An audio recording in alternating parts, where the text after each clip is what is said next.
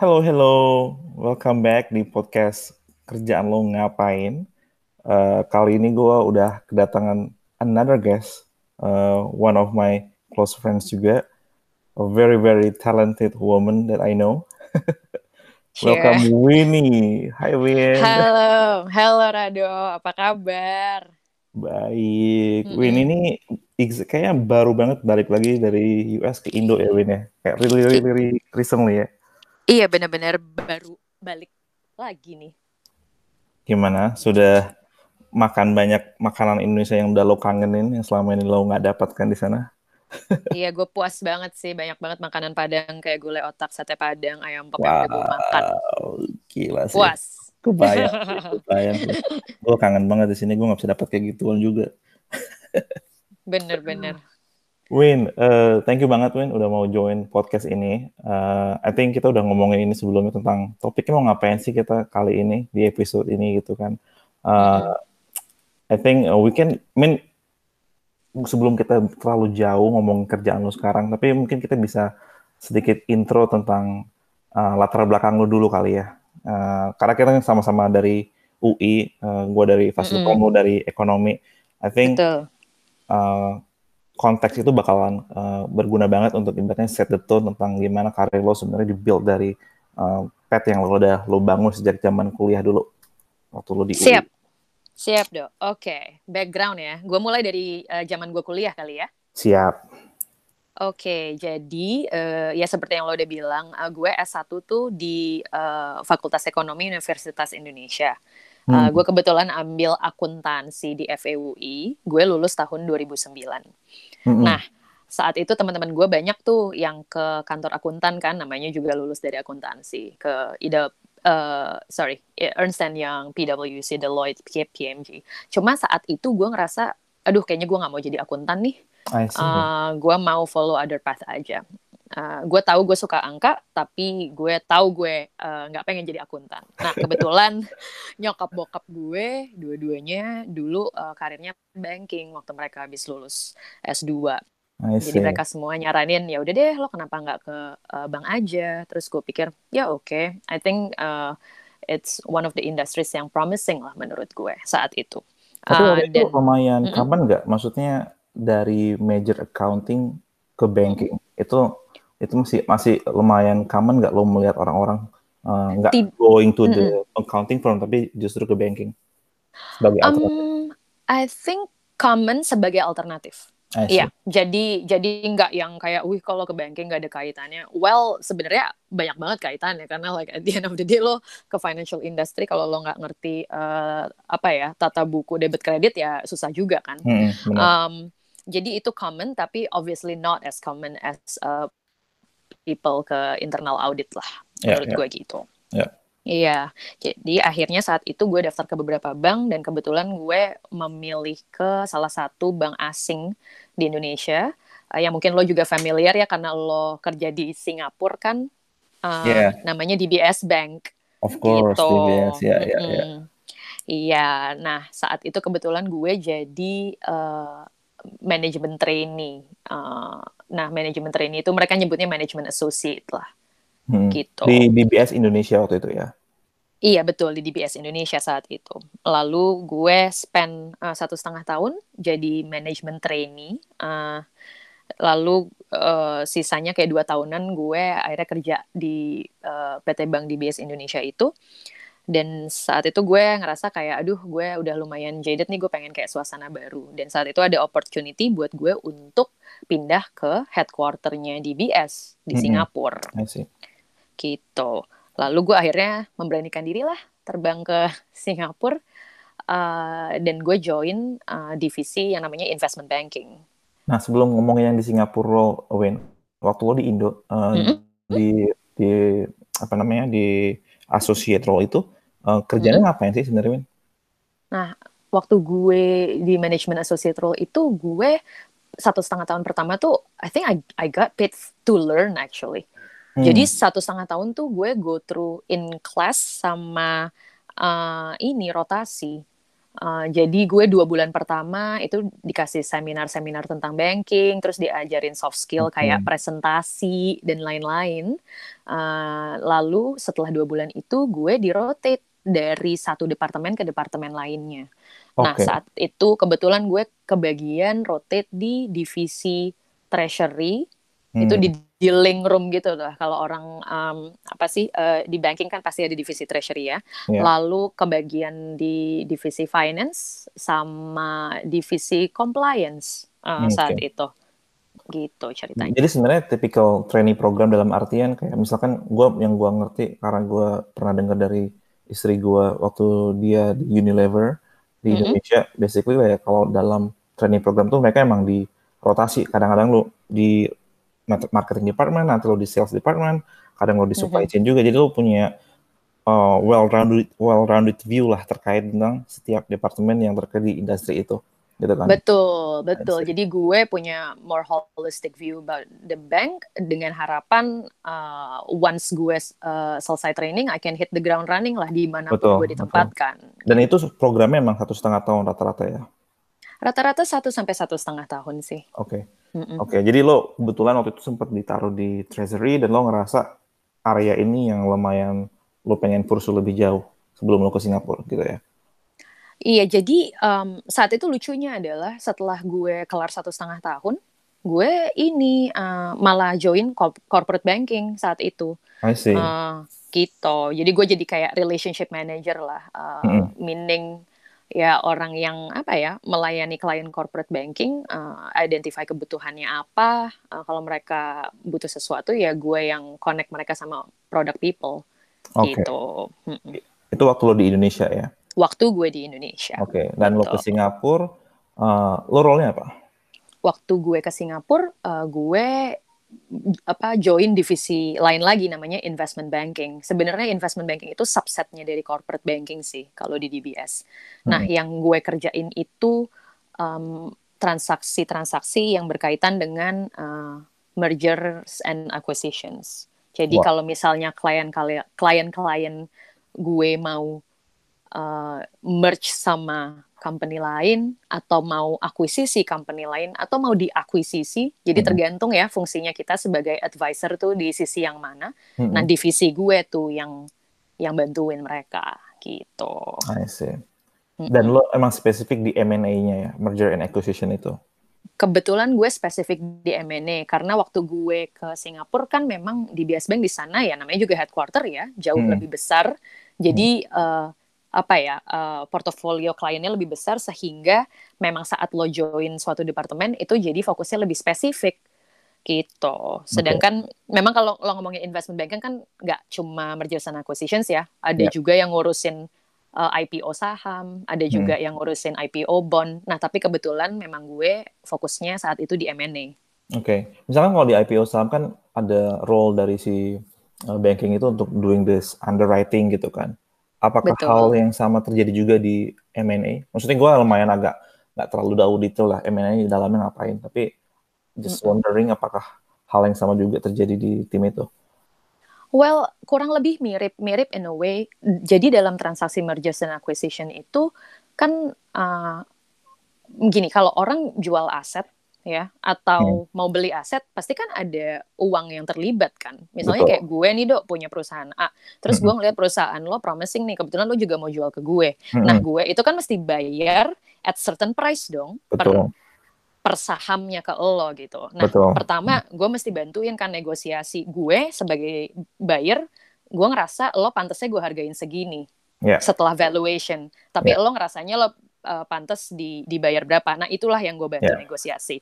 Nah Jadi, kebetulan okay. saat gue beli, saat gue mau beli, let's say, gue nggak nggak nggak punya 100% capital nih buat buat beli lo. Mm. Nah kayaknya gue 50% yang lainnya gue mungkin mau ambil loan di bank. Ya. Yeah. Hmm, uh, uh, okay. Jadi jadi iya jadi gue juga kadang-kadang gue gue juga kasih loannya atau mungkin mereka dapat loannya dari bank lain. Hmm. Jadi tergantung arrangement. Oke. Okay. Jadi misalnya kalau gue mungkin bisa buat uh, konsepnya lebih uh, pragmatik mungkin supaya buat pendengar bisa lebih ngerti. Misalkan kayak tadi ya case-nya lo mau apa lo perusahaan A, gue perusahaan B. Lo mau beli perusahaan mm -hmm. gue gitu kan. Uh, Betul. Lo misalkan akan nunjuk sebuah bank ya let's say DBS gitu ya. untuk membantu lo mengevaluasi valuasi perusahaan gue, ya kan? Uh, whatever the price atau whatever the valuation, uh, lo mungkin oke, okay, gue tahu harga lo berapa, mungkin kayak tadi lo bilang, gue punya cash sekian banyak, anggaplah cuma 50% dari valuasi yang gue punya gitu kan. Uh, Dan mungkin 50% lagi uh, financingnya lewat loan atau mungkin lo bisa lewat equity lo sendiri lo kasih ke perusahaan gue gitu kan. Nah, betul. Jadinya si pihak banking ini menjadi sebuah entity yang membantu si kliennya untuk melakukan semua processing proses merger and acquisition ini gitu ya. Benar sekali. Jadi dari awal, let's say dari awal PDKT lah nih, eh dia harganya berapa sih gitu, sampai akhirnya benar-benar kawin gitu kayak oke okay, gue bayar yeah, yeah, setengah yeah. tunai, setengah hutang. Kalau dari sisi dari sisi sellernya, dari sisi sellernya mereka ada harus nunjuk uh, sebuah bank juga nggak sih, Win untuk yeah. untuk proses apa transaction ini atau dari sisi bayar doang, most likely mereka akan tunjuk soal well, sebuah bank idealnya sih nun, uh, setiap pihak akan nunjuk bank untuk mewakili mereka ya. Uh, dan banknya untuk make sure banknya independen gitu benar-benar mewakilin satu pihak aja uh, to the best interest of the uh, hmm. entity yang mereka represent ya nggak boleh tuh satu bank kayak sama-sama represent seller sama-sama represent buyer gitu okay. tapi kalau perusahaannya misalnya gede enough dan mereka ada uh, divisi corporate finance sendiri atau hmm. divisi investment gitu. Jadi mereka kayak punya ya. in-house ya, investment yeah. banker. Mereka eh, nggak uh, perlu tuh uh, yeah, yeah. nunjuk banker buat ng ngewakilin mereka gitu. I see, clear, clear, clear. Interesting. Mm -mm. Dan mm -mm. dan lo doing this for how long di Singapura? Tadi lo bilang empat tahun, Bo. Lama Gila, banget lo itu. Itu kalau gue tahu berapa deals atau berapa uh, transaction yang dalam empat tahun tuh yang bisa dilakukan seorang investment banker gitu? Wow, as far as I can remember, mungkin gue udah ngerjain kayak over over ten deh menurut gue. Over ten. Dan over ten tuh yang goal ya, yang ya? bener-bener ya? okay. dari awal sampai akhir kayak deal gitu. Kan jadi, banyak juga ya, banyak yang di pipeline tapi nggak ya, jadi. Also, Benar. Mm -mm. Jadi satu satu life gitu. cycle M&A itu bisa bisa berapa bulan dalam prosesnya sampai selesai? Kalau jadi Duh, tergantung dok. Ada yang dua bulan, ada juga yang uh, sampai dua tahun nggak jadi-jadi. jadi benar-benar tergantung banget. Kayak digantungin deh. gitu ya dua tahun lama. Ini lo jadi iya. mau beli nggak nih gitu Bener. Cuma kalau di M&A kan lo dapet fee-nya tuh kan percentage dari harga dealnya ya.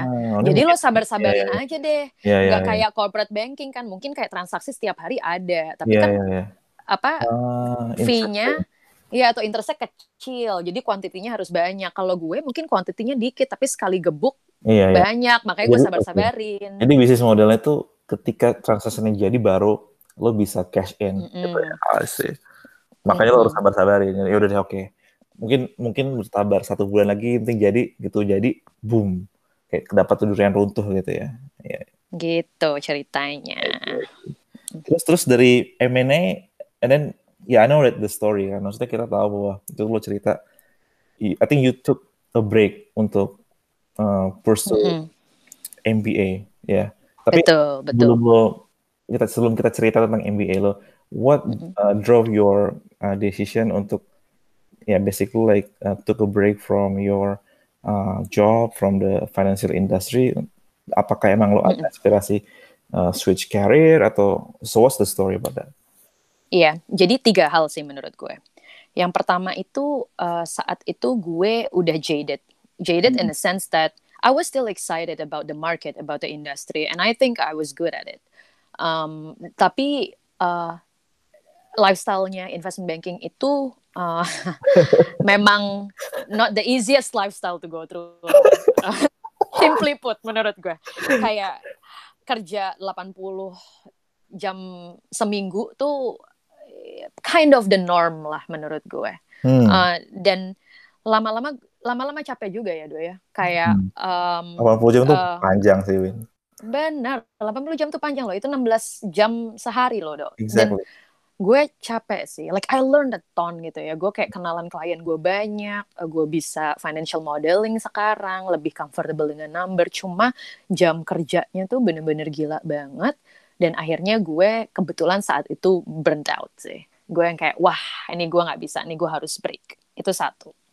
Nah, Hmm. kedua di kala break itu gue eh sorry di kala udah langsung keinginan break itu membuncah gue analisa dong ini kayak Iya. lo mau break ngapain lo kayak enam bulan jalan-jalan aja nggak ngapa-ngapain gitu kan tapi gue pikir kayak nah enggak nih gue boleh break tapi harus produktif break dan kebetulan saat itu gue pikir wah gue belum S2 nih dan nyokap bokap gue udah ngingetin ke gue karena mereka kebetulan dua-duanya S2 dua-duanya Oh, wow. MBA jadi kayak ini kamu harus sekarang kalau enggak udah telat dan udah nggak pengen balik lagi sekolah and I think they were they were right dan I was like Yeah. yeah actually kayak now and never, now or never sih jadi Hmm. akhirnya gue pikir kayak oke deh gue break tapi gue sekolah jadi gue kayak break tapi meng- menghasilkan sesuatu dan belajar sesuatu I Nah, see. yang ketiga itu ada kaitannya dengan dengan MBA. Jadi gue semakin belajar tentang MBA, gue semakin mengerti kalau MBA itu salah satu avenue yang bisa buat gue uh, bisa terekspos dengan uh, pilihan-pilihan karir lainnya.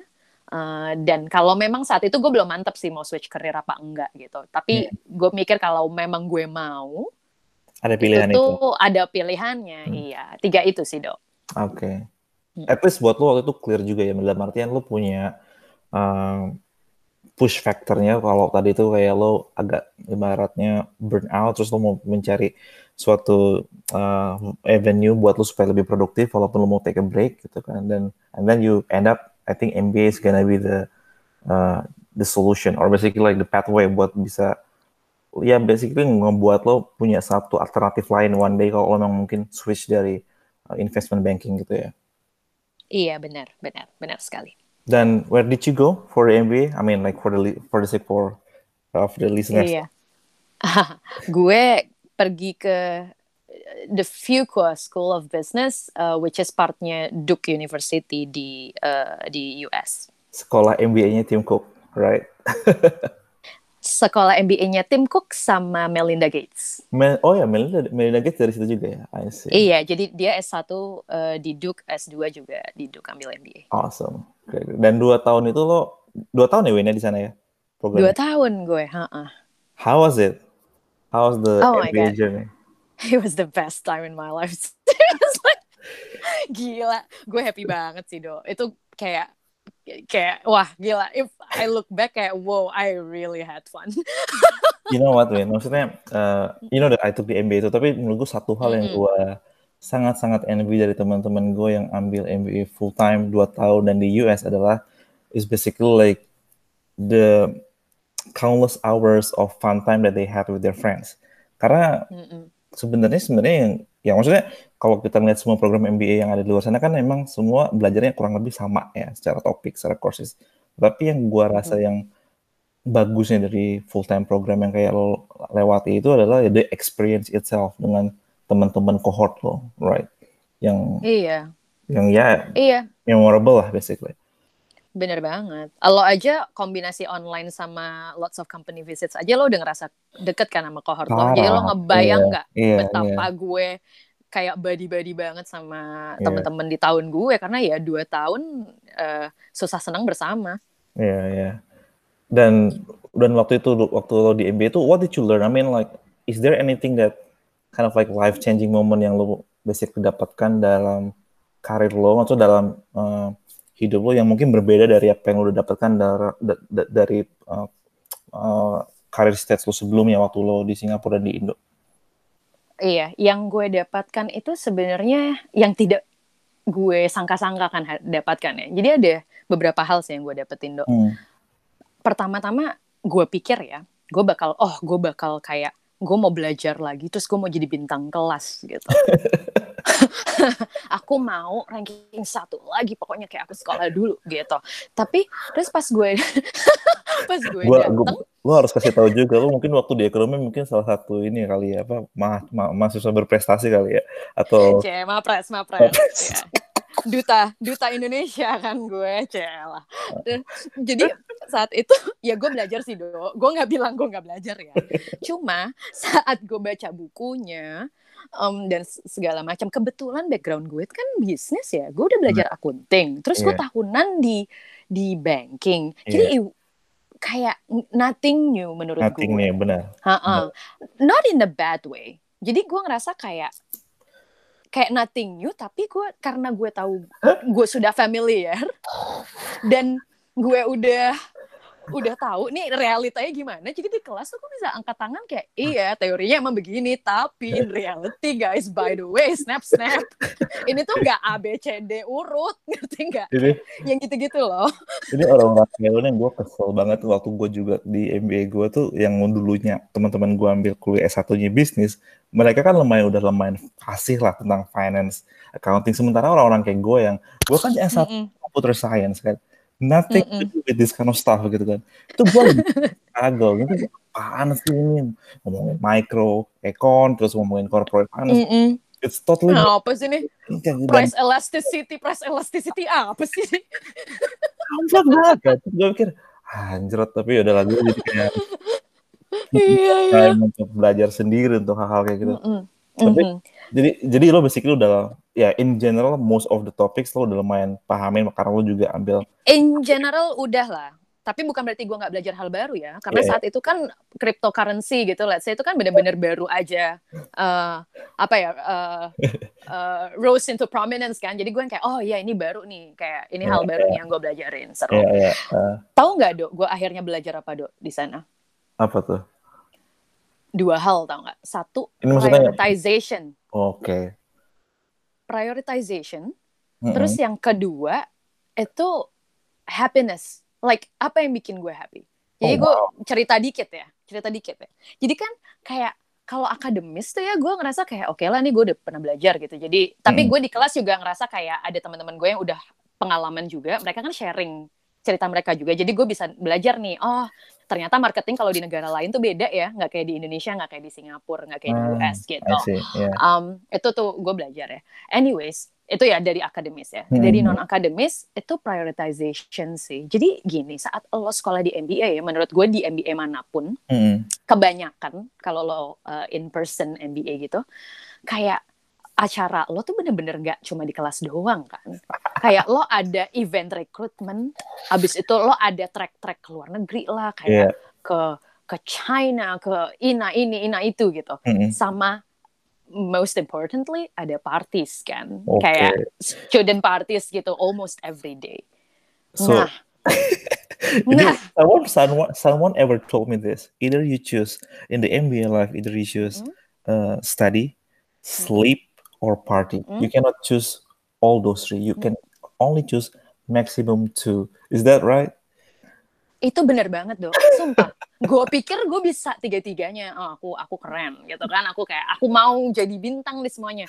Ternyata lupa gue udah tua. Huh gue udah nggak kayak umur umur yang satu lagi gue kayak wah udah tua ya ternyata nggak bisa ya harus tidur lebih lama nih kalau mau both uh, study hard sama party hard jadi akhirnya ya setelah semester satu gue kalibrate lah kayak oh ya udah nih kayaknya gue nggak bisa have it all jadi gue harus memprioritaskan kayak oke okay, kalau gue mau party hari Selasa berarti Rabu gue harus tidur Uh, Terus Kamisnya gue nggak bisa party lagi, soalnya gue harus di perpus uh, belajar kalau nggak ketinggalan. Itu gitu. one semester for you to realize that ya. Iya, dan menurut gue kesannya simple ya. Tapi ya hmm. menurut gue di industri mana pun, hmm. kalau lo udah climb the ladder, kalau jadi bos, itu kan semua perintilan uh, urusan lo ya. Kalau hmm. lo nggak bisa prioritize and nggak bisa delegate, ya pusing dong. Benar so banget. I think that was yeah that was the learning like oh you have to prioritize gitu don't fret over small little things kayak pokoknya fokus on the things yang important aja to move the needle gitu towards your goal itu yang gue pelajari wow. saat itu gitu. Ternyata belajar filsafat tuh. Sama psikologi bukan MBA jauh-jauh. MBA di Amerika dua tahun lu belajar life lesson ya tentang priority exactly. Gitu dok. Itu kan satu ya. Iya iya iya. Yang kedua adalah iya what makes me happy dok. Hmm. Jadi what makes me happy saat itu gue ngerasa kayak aduh gue tahu kalau gue balik ke banking gue mungkin kayak oke okay, refresh gitu setahun dua tahun pertama kayak masih semangat. Hmm. Cuma abis itu kan sebenarnya delaying the problem kayak ini nggak menjawab keje apa apa ya ke, kejenuhan gue kan yang gue gue hadapi sebelum MBA. Yeah. Jadi saat itu kayak oke, okay, lu tuh happy-nya apa sih Win gitu. Hmm. And I was asking myself kayaknya, oh gue happy-nya kayaknya kalau emang gue tuh di industri yang gue bener-bener bisa belajar banyak, sebelajar banyak waktu gue di M&A ya. Jadi dihadapkan ke banyak industri gitu karena gue dihadapkan ke banyak klien kan. Oh. Tapi kalau topiknya itu lebih broader lagi. Jadi saat itu kan gue bener-bener kayak lumayan myopic ya. Gue kayak ngerjain itu-itu aja. In a sense that kayak ngerjain dari one deal to another gitu. Bener-bener yeah. M&A. Jadi lo you specialized, cuman klien lo bisa datang dari berbagai macam industri gitu ya. Betul. Nah akhirnya itu juga lah yang mengantar gue ke kepilihan karir gue yang sekarang. Gitu. Oke. Okay. And which is now you are in the consulting industry. Betul. Oke. Okay.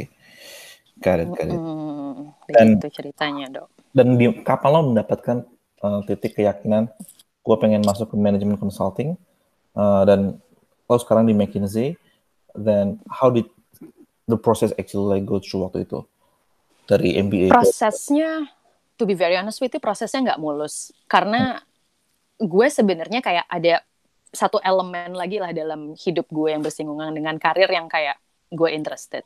Hmm. Nah kebetulan kan kayak gue uh, nyokap gue tuh kayak penjahit slash designer gitu kan. Jadi oh. dia kayak punya um, apa sih? Dia ngejahit kebaya-kebaya buat orang-orang kawinan, dok. Oh wow. Uh, nah gitu. Um, kebetulan dia kan karyawannya ada beberapa. Nah saat hmm. itu gue ngerasa juga waktu di IB, waktu gue di Singapura, gue tuh ngerasa kayak aduh kok gue hidup kayak um, material world mulu ya, kayak kapan ya gue give back gitu. gue pengen deh jadi orang baik give back gitu kan. Yeah, yeah. Terus akhirnya gue uh, kongsian nama nyokap gue um, bikin kayak usahamu kena gitu dok. Hmm. Nah usahamu kenanya itu gue uh, employed beberapa ibu-ibu di um, di Jawa Tengah gitu, uh, dekat kota asal kakek nenek gue.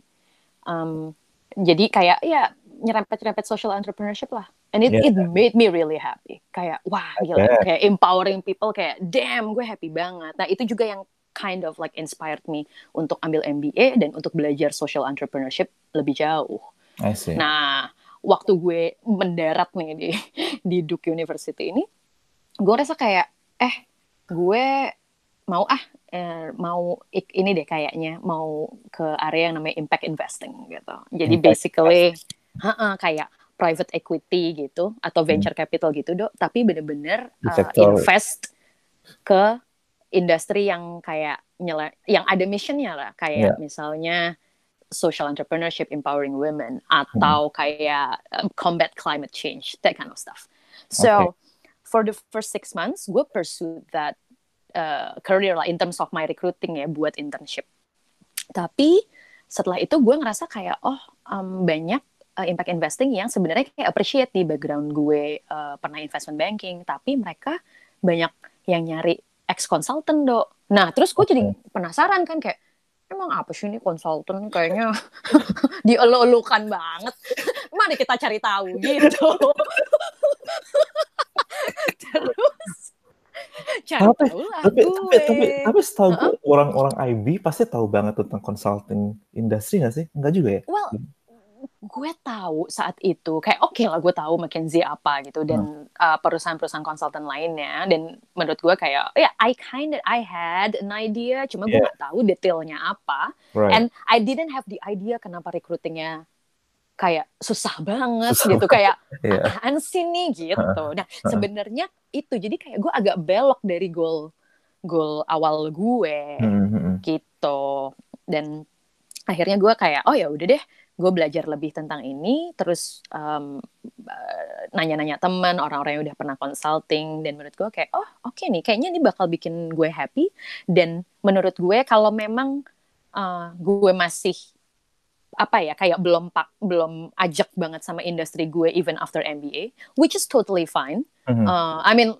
career is a journey kan it's a lifetime journey which is totally mm-hmm. fine kayak menurut gue I think this is um, gue bakal belajar banyak satu kedua ini stepping stone yang bagus banget nih buat gue nih untuk Betul. misalnya kalau misalnya gue nggak mau seumur hidup berkarir di consulting gue misalnya mau ke tech atau ke mana I think it will give me a very strong foundation gitu marrying yeah. that with the experience that I already had from yeah. banking gitu tapi goal ultimate lo adalah tetap arahnya ya how you can actually mm -hmm. go towards the uh, social entrepreneurship gitu ya pengennya sih masih pengennya, gitu pengennya gitu ya pengennya masih gitu which is um, great lah maksudnya mm -mm. at least negara kita butuh, lebih butuh banyak entrepreneurs atau talent-talent yang bisa arahnya ke sana juga gitu kan. Given the size of our UMKM uh, bisnis mm-hmm. yang segitu besarnya, I think a lot of things can be done in this sector gitu kan. Setuju banget. Jadi mm. ini sekalian promosi ya lewat podcast. Mm. Jadi teman-teman, cie, kalau ada yang denger kerjaan bagus nyerempet-nyerempet visi misi gue, ya tolonglah DM Rado, nanti Rado sampaikan ke gue. gue sebenarnya menjadi seorang seorang ini apa talent hunter, jadi gue bisa. gitu ya, eh bener juga. Actually kalau gue pikir gue doing this podcast gue jadi kenal banyak orang, tahu maksudnya gue uh-huh. kenal banyak orang iya, tapi gue jadi lebih banyak tahu apa yang dikerjakan orang itu, jadi gue jadi lebih mengerti. Kalau gue ngomong sama orang lain, kayaknya si Winnie cocok di buku orang ini hebat juga lo dok. Eh, nggak kaget gue kalau misalnya dua tahun dari sekarang tiba-tiba lo punya perusahaan headhunter bener bener bener bener terus itu ceritanya dok. Gue pengen juga ngasih apa konteks ke para pendengar bahwa lo mulai di McKinsey kan di New York office right? Mm-mm. That's actually a really Betul. great thing to know gitu kan untuk bisa dapat semacam uh, story. How uh, does it feel to work uh, in the US office like that gitu? Maksudnya compared to waktu lo di Indonesia atau di Singapura? Oke, okay. uh, the the short answer to that is different. Kayak, wah beda ya ternyata hmm. kerja di New York or like North America in general. Yeah. Jadi kalau dulu gue kerja di Jakarta sama di Singapura, uh, orang Asia itu mereka lebih tahan kerja keras sih dok. Kerja keras in a sense that kayak long hours gitu. Um, I thought it was the norm dok. Kayak oh ya kerja keras kalau berhasil ya memang harus kerja 80-90 jam seminggu. Gitu. Itu di mana lo bilang di Asia? Kayak, di Asia. Ya, yeah, I think Cuma that, pas di Amerika, okay. Hmm, pas di Amerika gue pindah ke New York, gue juga udah siap-siap mental tuh saat itu. Oke, okay, ini pertama consulting berat nih, kayak menurut gue beratnya sama kayak investment banking, dan hmm. ini di New York. Hmm. Gue pasti kayak kerja mati-matian lagi nih kayak dulu, tapi nggak apa-apa deh gitu. Apalagi eh, kalau yang gue kaget, mm-hmm. apalagi kalau lo nonton film-film kayak Suits atau Billions yang orang-orang di situ ke sana kayak apa impressionnya kerja sampai malam-malam banget gitu kan. I think it's, betul, a, it's betul. a fair expectation to have gitu kan waktu lo mau join uh, firm tapi di New York office gitu kan. Itu betul. Ternyata saat gue sampai, mm-hmm. well berat berat sih dok gue nggak bilang gampang ya mungkin hmm. gue minimum sehari kerja 12 jam gitu wow. tapi gue lumayan jarang loh kerja weekend dan bos-bos gue tuh kayak bener-bener respectful of my time banget dok oh really um, wow. iya kayak kayak apa ya gue ngerasa kayak wow orang-orang di sini tuh kayak kalau misalnya mereka mau minta tolong lo kerja longer hours than expected ya mereka recognize that bener-bener hmm. almost sound apologetic gitu kayak hmm. aduh sorry banget nih ya gue tahu lo bakal kerja longer than expected but we really really need this but mereka akan strive banget untuk ngeprotek weekend lo wow. jadi gue jarang banget digangguin weekend dan gue ngerasa kayak wow actually I can get used to this kayak oke okay, bisa nih gue baseline-nya udah lebih tinggi dari itu masalahnya. Yoi, sudah ditempa. gitu. Itu yang gue agak surprise, dok. Pleasantly surprised, actually. Wow. Even gue denger ini, wow. gue rasa gue juga surprise sih. Gue kira kalau lo, maksudnya in general, all those consulting firms akan sama kayak IB ya, kerjanya lebih panjang, lebih malam gitu kan.